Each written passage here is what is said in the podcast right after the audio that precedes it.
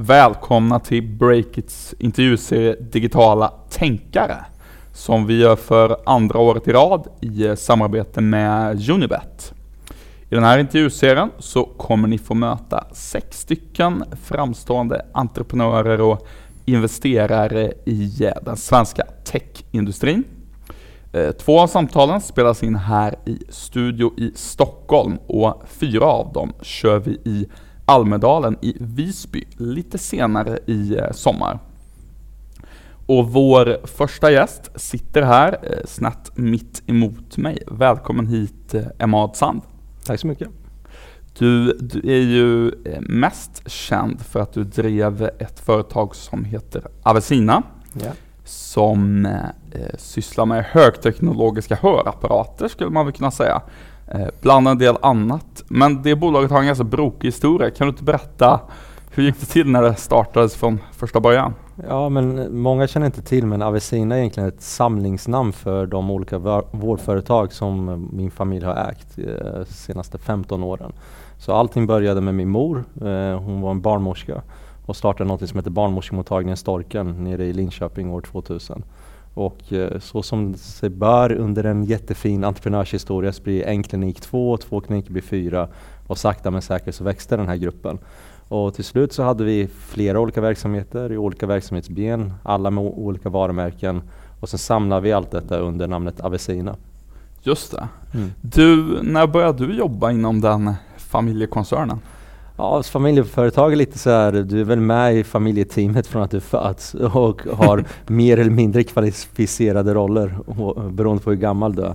Men jag kommer ihåg från när mamma startade eh, Storken, då, för då gick vi ut och delade ut flygblad när vi var små. Så hur gammal var du då? Ja, nu får man... Eh, fan, det är länge sedan nu. 15-16 eh, tror jag ja. när hon började. Just det. Och sen så, ja, fick man ju vara med och hjälpa till lite, dela ut lite reklamblad och hjälpa till. Men sen så var man kunde inte tillföra verksamheten någonting förrän man började på universitetet och hade någon lite unik kompetens att komma till. Just det. Men ja. Så, så. Men eh, sen så gick du på Handelshögskolan. Yes. Uh, och efter det så blev det inte familjeföretaget direkt, utan du uh, körde lite konsultande i London. Exakt, alltså när jag var färdig på Handels, under tiden så hjälpte jag till. Jag, jag var lite av en räkneräka i familjen, så jag tyckte om att räkna på de olika Räkneräka, det är ett, eh, en, en term ni använder ofta. Ja men någon, någon behöver ju vara det. Ja. Så, så jag var räkneräkaren i familjen. Så jag tyckte om att, att, räkna på saker och ting. Så det var mitt bidrag under studieperioden. Mm. Men sen när det var klart så hade ju mamma 1400 anställda, en hel stab. Eh, brorsan var inne, morbror var inne, morbrors fru var inne. Det var riktigt familjeföretag. Och jag tänkte nej, jag ska göra min egen grej. Eh, och jag har ju en bra utbildning i botten. Så då joinade jag McKinsey som en managementkonsultbyrå och jobbade i hela världen, överallt förutom i Sverige. Just det.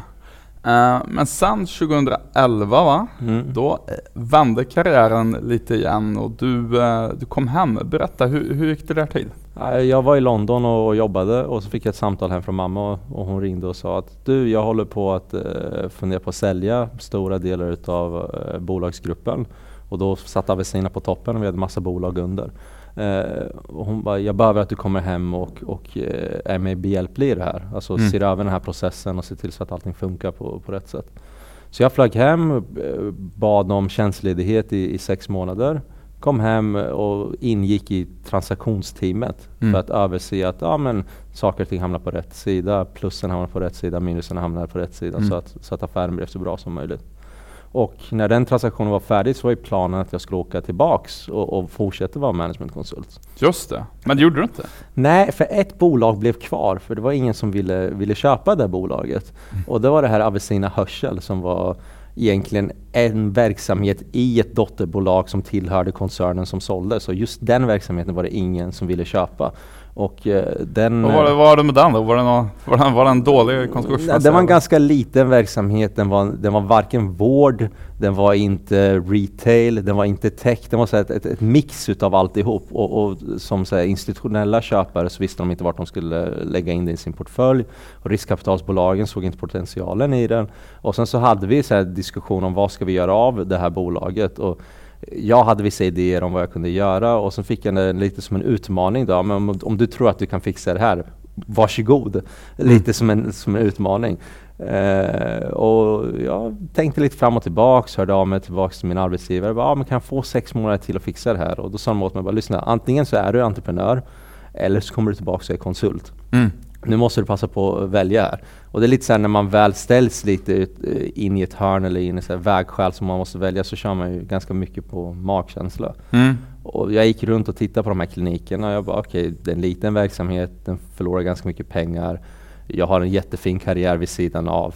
Mm. Jag har en hög lön och konsultkarriär här borta och eh, ingenting på den här andra sidan. Så all, alla logiska fakta som man tittade på var gå tillbaka och bli konsult i den här prestigefyllda firman. Men vad, vad tänkte du? Vad var det som fick dig att, att välja bort det här liksom, guldkantade konsultjobbet och Ja, istället men, slita som entreprenör? Ja, men det var faktiskt diskussioner med de personer som jobbade där. Jag, jag kände jag kände att det här bolaget ändå är en del utav min uppväxt.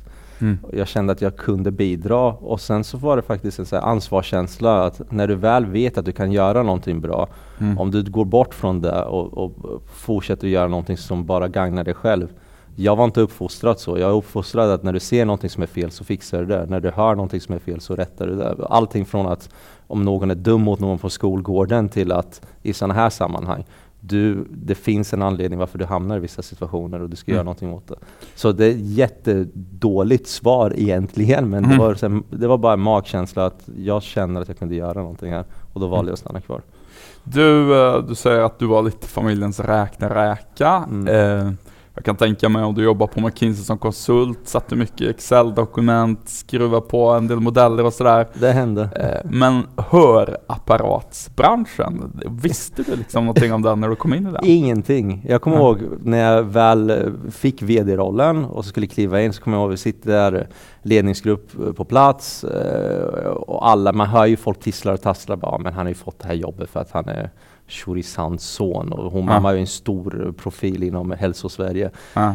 Och jag kommer ihåg att jag satte mig där jag bara guys, jag vet ingenting om den här branschen. Jag ska Mm. inte ens låtsas som att jag vet någonting om det här. Ni alla som sitter här kan mycket mer än mig. Men jag lär mig väldigt fort. Jag kommer ställa mycket frågor, men jag lär mig väldigt fort. Och så, så sa jag ingenting och bara lyssnade resten av Mm. mötet. Och så var det.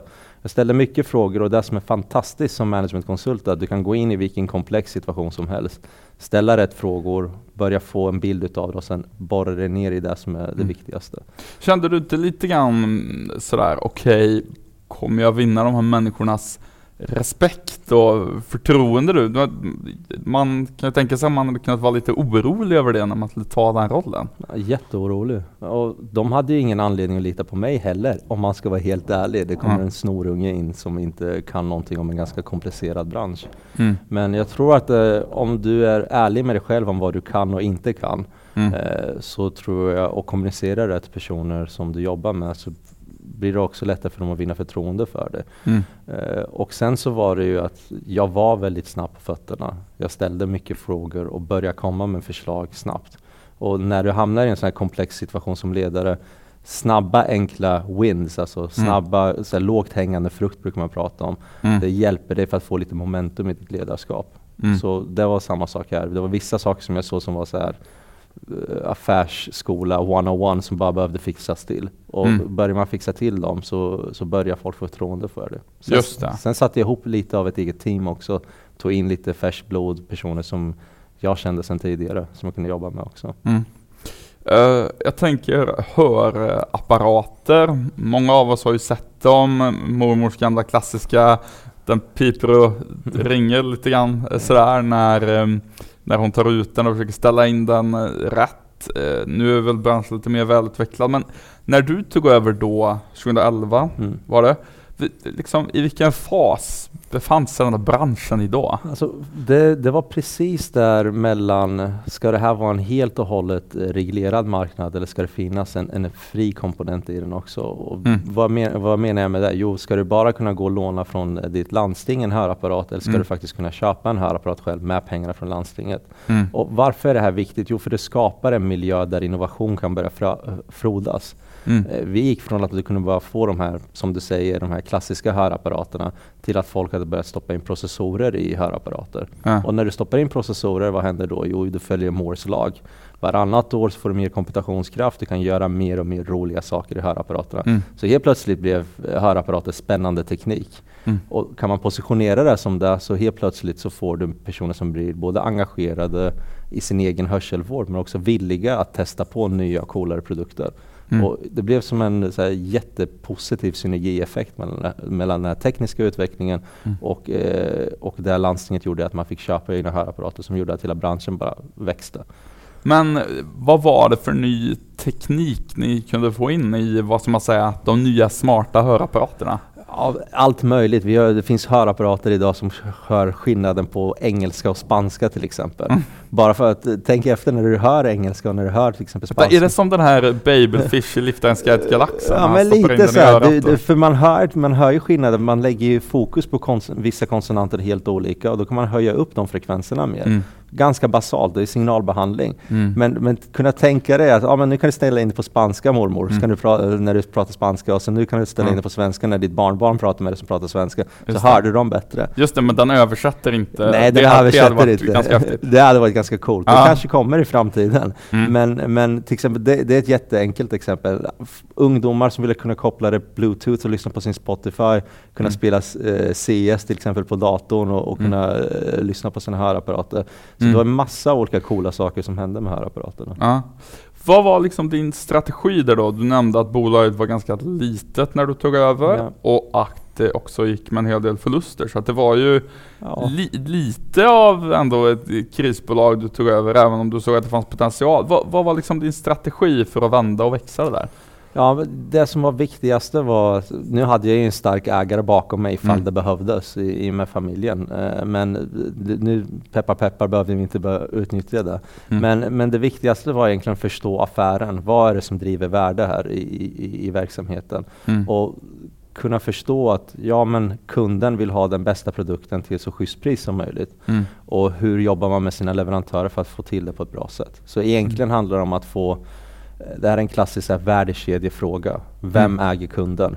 Om Mm. du till exempel är ICA idag och du Mm. bara säljer en enda SKU, alltså du bara säljer hörapparater. Mhm. Då har du ganska mycket makt gentemot dina leverantörer. Mm. Och hur du använder den makten och mot kundkontakten bestämmer vart värdet i värdekedjan hamnar. Och Mm. här så gick jag in och såg att lyssna här du miljardföretag utomlands. Det spelar ingen roll hur, hur mycket du gormar. Om jag inte vill sälja dina hörapparater till någon för att du ger mig dåliga hörapparater och Mm. du inte behandlar den svenska kunden bra. Mm. Då kommer inte jag sälja dem. Och helt plötsligt blir det en helt annan konversation. Mm. Och då helt plötsligt fick vi bra hörapparater till väldigt billiga priser. Mm. Så vi kunde ge kunden, vår kund mot eh, år två i Avicina, Mm. behövde inte betala en enda krona. Alltså de kunde använda sin landstingscheck. Mm. Använda den hos oss och få en bättre hörapparat än vad de fick hos landstinget. Mm. Och det var egentligen makten eh, i, i värdekedjan som gjorde det. Och från det så bara exploderade omsättningen. Ja, just det. Och då, eh, alltså bara så jag förstår det rätt där, det som fick dig att vända, var det liksom, om man ska vara lite konkret, att inköpssamtalen att vara lite tuffare? Ja, Liksom? men det, ska, det var ett par delar. Ett, sätt upp ett helt nytt IT-system så du kan mäta saker och ting. Mm. Jättesvårt att driva företag om du inte kan mäta saker och ting. Så vi satte upp ett ganska brett click-view-baserat eh, system där vi kunde följa Mm. allting från telefonsamtal in, konvertering in, vad som händer inne i, i klinikerna, average spend, kvalitet och så vidare och så vidare och så vidare. Mm. Så precis så som du skulle driva ett e-commerce-företag idag Ja. körde vi i fysiska butiker, vilket var ganska nytt. Så det var Mm. nummer ett, alltså få rätt underlag så du kan ta rätt beslut. Mm. Nummer två, utbilda din personal så att de förstår vad innebär den här nya tekniken. Har du jobbat med gamla hörapparater i 10-15 år och känner dig bekväm med det, då finns det ingen idé att, att uh, utbilda sig om det bara funkar. If it's not broken, why fix it? Right? Mm. Så inspirera och utbilda din personal. Och sen nummer tre, få bra produkter att jobba med. Och då är det, gäller det att vara stenhård i de förhandlingar som du behöver vara hård i. Mm. Så att du får, du får värdet i din del av värdekedjan. Mm. Så de tre grejerna tror jag var nyckelfaktorer för att vi lyckades. Mm. Du, sen sålde ni hörapparaterna. Eh, Mm. Enligt uppgift till Breakit så var det för 200 miljoner kronor till eh, ett danskt bolag som heter William Demant, tror jag man Yes. säger. Ja. Eh, hur kändes det att sälja det där då? Som lite hade blivit din baby då kan man tänka sig. Eh, typ det var nog det värsta beslutet jag tagit. Eh, det måste jag säga. Alltså det är ingen person som jag känner som har byggt ett bolag för att tjäna pengar som har lyckats. Mm. Det är alla människor som bygger bolag för att bygga fina bolag som skapar ett värde i det. Mm. Eh, och eh, nej, det var, det var skitjobbigt. Mm. Rent ut sagt jättejobbigt. Jag samlade ihop all min personal, satte dem i ett stor U. Där jag kunde titta alla i ögonen. Där jag berättade för dem att jag sålt bolaget, varför jag hade gjort det. Mm. Eh, och det var en och annan tår som föll från alla Det var så? var där. Ja, det var jätteemotionellt. Ja. För det här var någonting som man, man hade levt, eh, man hade andats det, man hade varit en del utav det Mm. under hela den här perioden. Men det låter ju som att du tyckte det var ganska ledsamt, ändå så sålde ni det. Hur, liksom, hur motiverade ni det beslutet? Ibland så behöver man ha, eh, alltså separera sig själv från sina känslor och ta faktabaserade Mm. beslut. Det var rätt beslut eh, för oss att sälja Mm. givet den värdeutveckling vi hade haft och hur Mm. vi såg på branschen eh, framgent. Så Just tyckte jag att eh, det var, det var helt och hållet rätt beslut att göra. Ja. Så, Du, eh, du sa i en intervju med min kollega Stefan att eh, jag har aldrig känt mig så uttråkad, eh, sa du efter att ni hade sålt bolaget. Är du fortfarande uttråkad? ja, lite mindre. Nu, nu jobbar jag lite mer som affärsängel, sitter i ett par bolagsstyrelser. Eh, Så jag har en, två deals igång hela tiden som jag tittar på och, Mm. och eh, ser till så att eh, pengarna som man har fått i samband med försäljningen förvaltas på ett bra sätt. Det tar också lite tid. Så Mm. man fyller sin tid med, med saker och ting. Men eh, jag är fortfarande för ung för att bara sitta och vara investerare tror jag. 31, jag måste nog fortfarande hitta ett, ett Mm. lite mer fast gig. Men Mm. jag har inte hamnat där än. Äh? Även om jag var väldigt uttråkad. 31 januari var officiellt den dagen som jag lämnade Mm. eh, böckerna på Avicina. Så Mm. så lång tid har det inte gått än. Nej. Mm. Vi ska komma lite mer till vad du gör idag, men jag tänkte vi skulle backa lite grann. Yes. Eh, Du har tidigare sagt i en intervju med Allbright, den här um, jämställdhetsstiftelsen, Yes. att i skolan var du nära att hamna i specialklass för att du var så stökig, eller du blev hotad med att hamna i specialklass. Ja. Vad var det som hände? Nej, Jag var, jag var ganska uttråkad när jag var liten också, så klass 4, 5, 6 var jag nog en person som inte kunde sitta still. Eh, jag hade ganska lätt för mig eh, för matten och för allting som fanns i skolan. Och då gör man ju sattyg och så, så är det ju. Eh, och jag kommer ihåg att min, min lärare drog in mig, jag hade kommit in i någon så friskola, skulle gå sjuan, åttan, nian där. Mm. Så bussas bort från det området där jag bodde. Det var en ganska stor grej för då skulle man hamna i en, i en bra skola. Eh, och så drog hon in mig och bara om du inte skärper dig så kommer jag skriva ett brev och, eller jag kommer säga åt dem och du kommer hamna i specialklass. Eh, och du kommer inte kunna få gå på den här friskolan som du vill gå på sen. Och det var lite så av ett eh, wake-up call att okej man måste uppfö- uppenbarligen uppföra sig också. Det räcker inte med att man bara har rätt. Mm. Eh, men jag tror det är många personer som har lite lätt för sig som blir lätt uttråkade när de, när Mm. de är unga. Och man får inte mer att bita i när det gäller varken det akademiska eller, eller någon utmaning på plats. Så Mm. då riktar man om sin energi till mindre konstruktiva saker.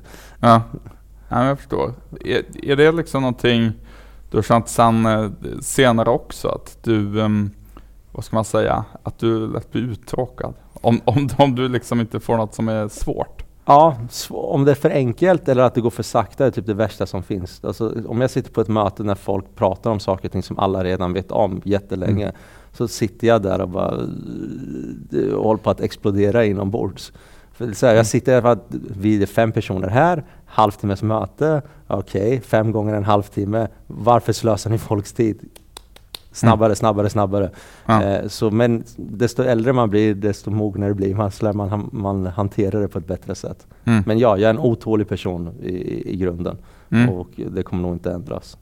Om man då drar en linje därifrån när du var eh, lite, eh, vad ska man säga, olydig och gjorde sattyg i, eh, i eh, det var högstadiet, eller? Ja, det fortsatte upp Ja. ända upp till gymnasiet. Ja. Ifrån den, om vi drar en linje från den um, ungdomstiden där och fram till sen när du började jobba med Avicina, kan du se liksom några personlighetsdrag som du tror du har som gjorde liksom att det passade för dig att bli entreprenör? Ja du, eh, ett, jag har alltid varit väldigt orädd. Mm. Eh, jag tror att det är en ganska, eh, eller jag ska man säga, orädd är kanske fel ord. Jag har alltid varit rädd. Jag har mm. hamnat i situationer där jag varit rädd men jag har alltid vågat ändå göra rätt sak. Mm. Och det kan vara allting från att hamna i en konflikt på skolgården när du, när du är ung och inte backa undan.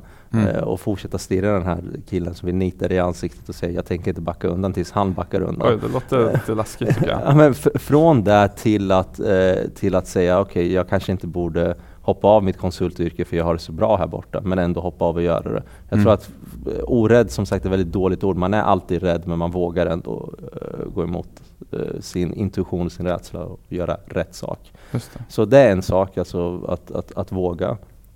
Nummer två, att lära sig snabbt. Mm. tror jag är bra. Uh, du kommer alltid som entreprenör hamna i jättemånga olika situationer. Tänk dig vad en stackars startup-VD behöver göra idag. Han behöver kunna göra ett pitch deck, han måste kunna fatta finansiering, han måste kunna förhandla med investerare, han måste motivera ett team som vill gå hem. Uh, alltså mm. det, det, det, är HR, det är marknadsföring, det är finans, det, det, är alla olika aspekter av bolagsbyggande. Så mm. du måste vara snabb på fötterna och kunna lära dig väldigt fort. Mm. Och sen inte vara rädd för att jobba hårt. Mm. Alltså det, saker och ting tar tid när du väl bör, börjar gräva in i det och du behöver sitta och grotta ner dig i vissa saker. Mm. Eh, det är ju liksom, vad ska man säga, egenskaper eller kvaliteter som mm. eh, du tycker att en entreprenör ska ha. Vad gäller dig själv, vad har du liksom för värderingar, mer rätt och fel frågor som du har burit med dig i karriären?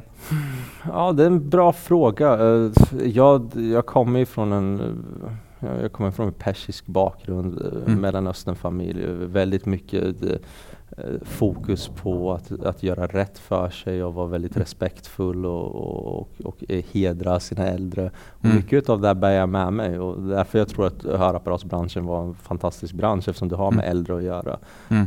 Så värderingsmässigt så, så hämtar jag mycket inspiration från den här Mellanösternkulturen. Mm. Uh, och stark känsla utav, av rättvisa. Samtidigt som jag, har, jag är väldigt svensk i andra aspekter. Till exempel mm. jag tycker om jämlikhet och teamarbete och att mm. folk uh, jobbar tillsammans. Uh, men jag tror att värderingar är viktigt. Det är en av de absolut viktigaste. Men man måste också se till så att de manifesteras i, i, i ens bolag när man bygger. Till exempel, mm. jag hade ett case som jag körde med alla människor som började på Avicina. Mm. Spelar ingen roll ifall de ska vara chefer eller om de skulle jobba på golvet. Och då skapade jag upp en fiktiv miljö när en person inte hade råd att betala för sina hörapparater. Och så stängde jag ner de olika svarsalternativen och tryckte in den anställde in i ett hörn där de var tvungna att välja. Ska jag skänka bort en hörapparat om jag äger bolaget? Mm. Eller ska jag ta mina pengar och inte låta någon få en hörapparat? Mm. Svarar man fel på den frågan så får man inte jobbet. Det spelar ingen mm. roll hur, hur bra du har gjort i resten av dina mm. intervjuer.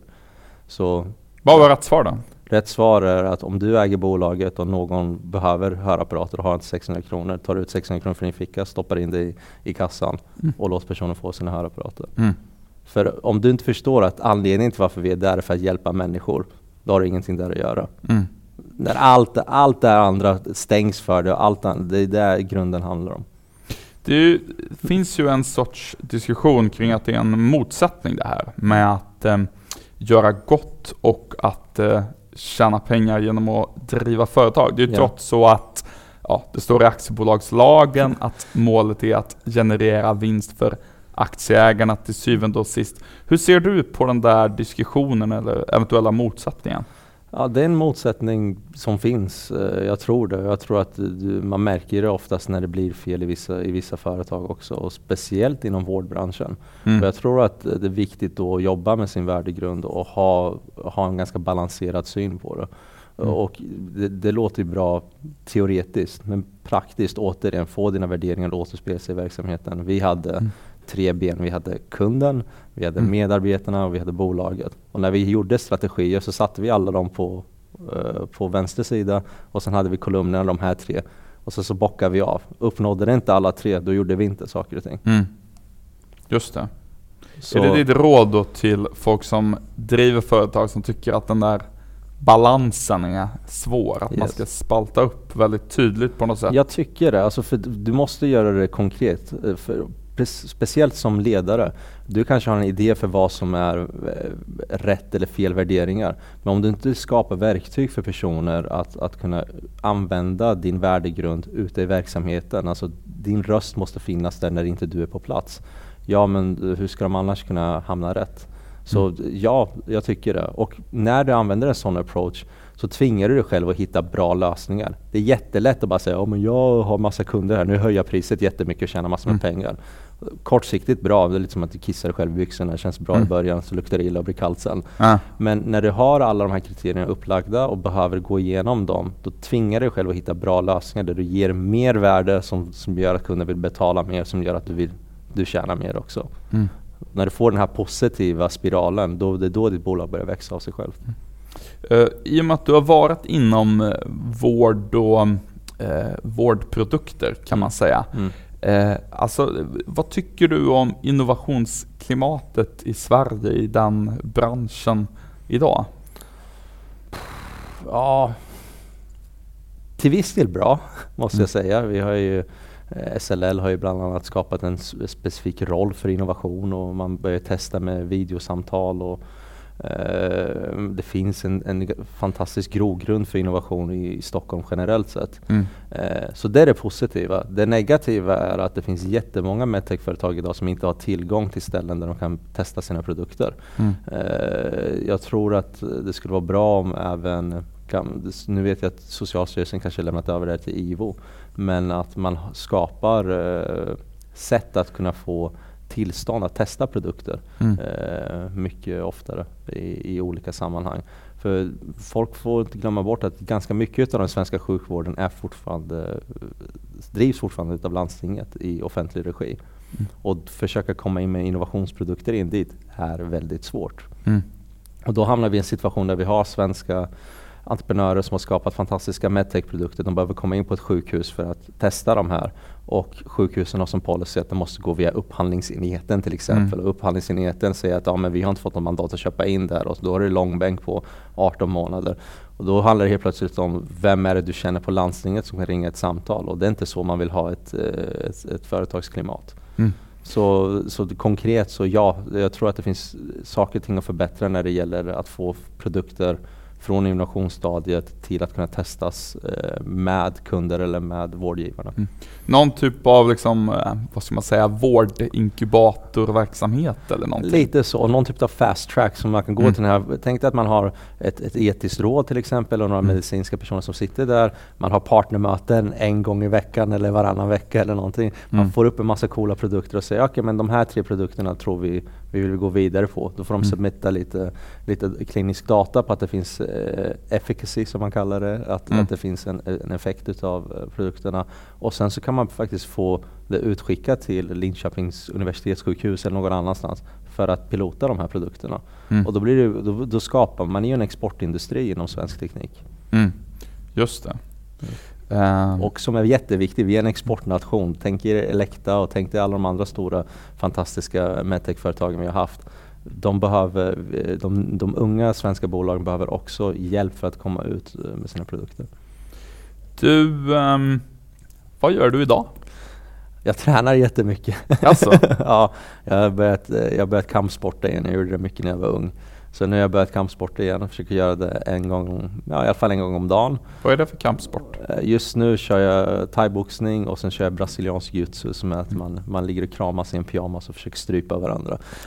Just det, har man sett eh, på TV att en del sådana här um, eh, MMA-personer har Exakt. I, nere på golvet. Exakt, så, det, ja. det, det, så thaiboxning är bra för när du står upp och, och brasiliansk jiu när du hamnar på backen. Så, mm. så med de båda två så får du helheten. Så jag, jag, jag tränar ganska mycket, jag eh, jobbar som ängelinvesterare, hittar mm. på nya projekt. Jag har ganska mycket filantropiska uppdrag just nu när man mm. donerar pengar till säg sjukhus i Syrien eller barnhem och uh, köpa busskort och, mm. till flyktingar, you name it. Så mm. sätt man kan vara behjälplig på. och sen så eh, också se till så att eh, förvaltningen utav kapitalet sker på ett bra sätt. Du, um, vilka bolag är du engagerad i? Score känner jag ju till, där Yes. du är ordförande. Kan du berätta om Score för de som inte känner till det? Ja, Score är ett fantastiskt bolag. Det är Mm. världens största plattform för tävlingar på nätet. Startades utav fyra grabbar. Eh, två utav dem som var vänner till mig från Handels. Eh, och eh, tanken där är att man ska disrupta rekryteringsprocessen. Att man, man låter personer tävla, alltså göra kunskapstest för att visa ifall de klarar av ett jobb eller inte. Istället för att lämna in ett CV?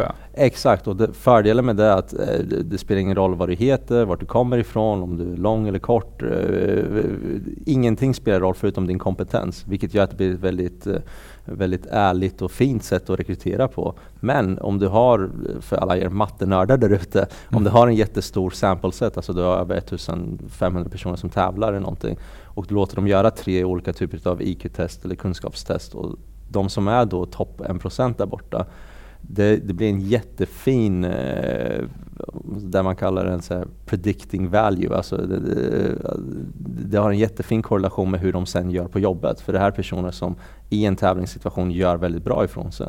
Får in en sån i din organisation som gör jättebra ifrån sig senare. Så det finns det är både en effektivare sätt att rekrytera på och man får bättre resultat, alltså effektivt tidsmässigt för rekryteraren. Man får bättre resultat på andra sidan och den är mycket mer rättvis. Mm. Bolaget går jättebra, de växer och eh, vi håller på och hela tiden tittar på hur vi ska utveckla det.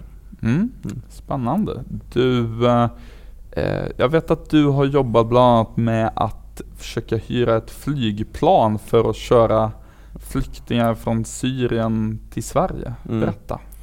Ja, det var den här uh, Refugee Air-projektet Mm. som jag körde tillsammans med en annan tech-entreprenör som heter Susanna Jaffi. Mm. Så hon och jag körde det tillsammans och, och hela grundtanken där var att här har du ett, ett, ett klassiskt logistik slash eh, informationsproblem. Mm. Du har personer som behöver kunna resa in till Europa för att eh, kunna fråga om asyl, vilket de Mm. enligt lag får göra. Mm. Men sen så har de eh, har en gränspolis som inte låter dem flyga eftersom de, de inte har visum. Så det hamnar i något så moment 22. Mm. Och då hamnar det i situationer där du har stora mängder personer som smugglas in. Mestadels män, vi vet inte identiteten på dem. Och sen så blir Mm. alla kvinnor och barn, de som faktiskt är mest utsatta i krig, blir, blir kvar i konfliktzonerna. Mm. Så vi tänkte det här är ett problem som behöver lösas. Så då skapade vi Refugee Air. Mm. Och vi hade jättefin utveckling på den kampanjen. Men i slutändan så blev det inget faktiskt flygplan. Mm. Utan eh, motparten, alltså op oppositionen och regeringen kom fram till en, en, en fantastiskt bra lösning tyckte man under hösten med att man Mm. utökar FN-kvoten istället. Mm. Så istället för att man hade runt 1500 eller jag kommer inte ihåg exakta siffran eh, FN-flyktingar så höjer man upp det till eh, 5000. Mm. Så plötsligt istället för ett flygplan med 300 så har du 3500 människor till. Och då kommer de genom FN-systemet. Så då, när det skedde så tänkte vi ja men det här är en mycket bättre lösning. Det är ingen Mm. idé att vi går ut på barrikaderna längre. Just. Och, och eh, slängde vi över all vår support till UNHCR både Mm. finansiellt och, och de resurserna vi hade. Just det.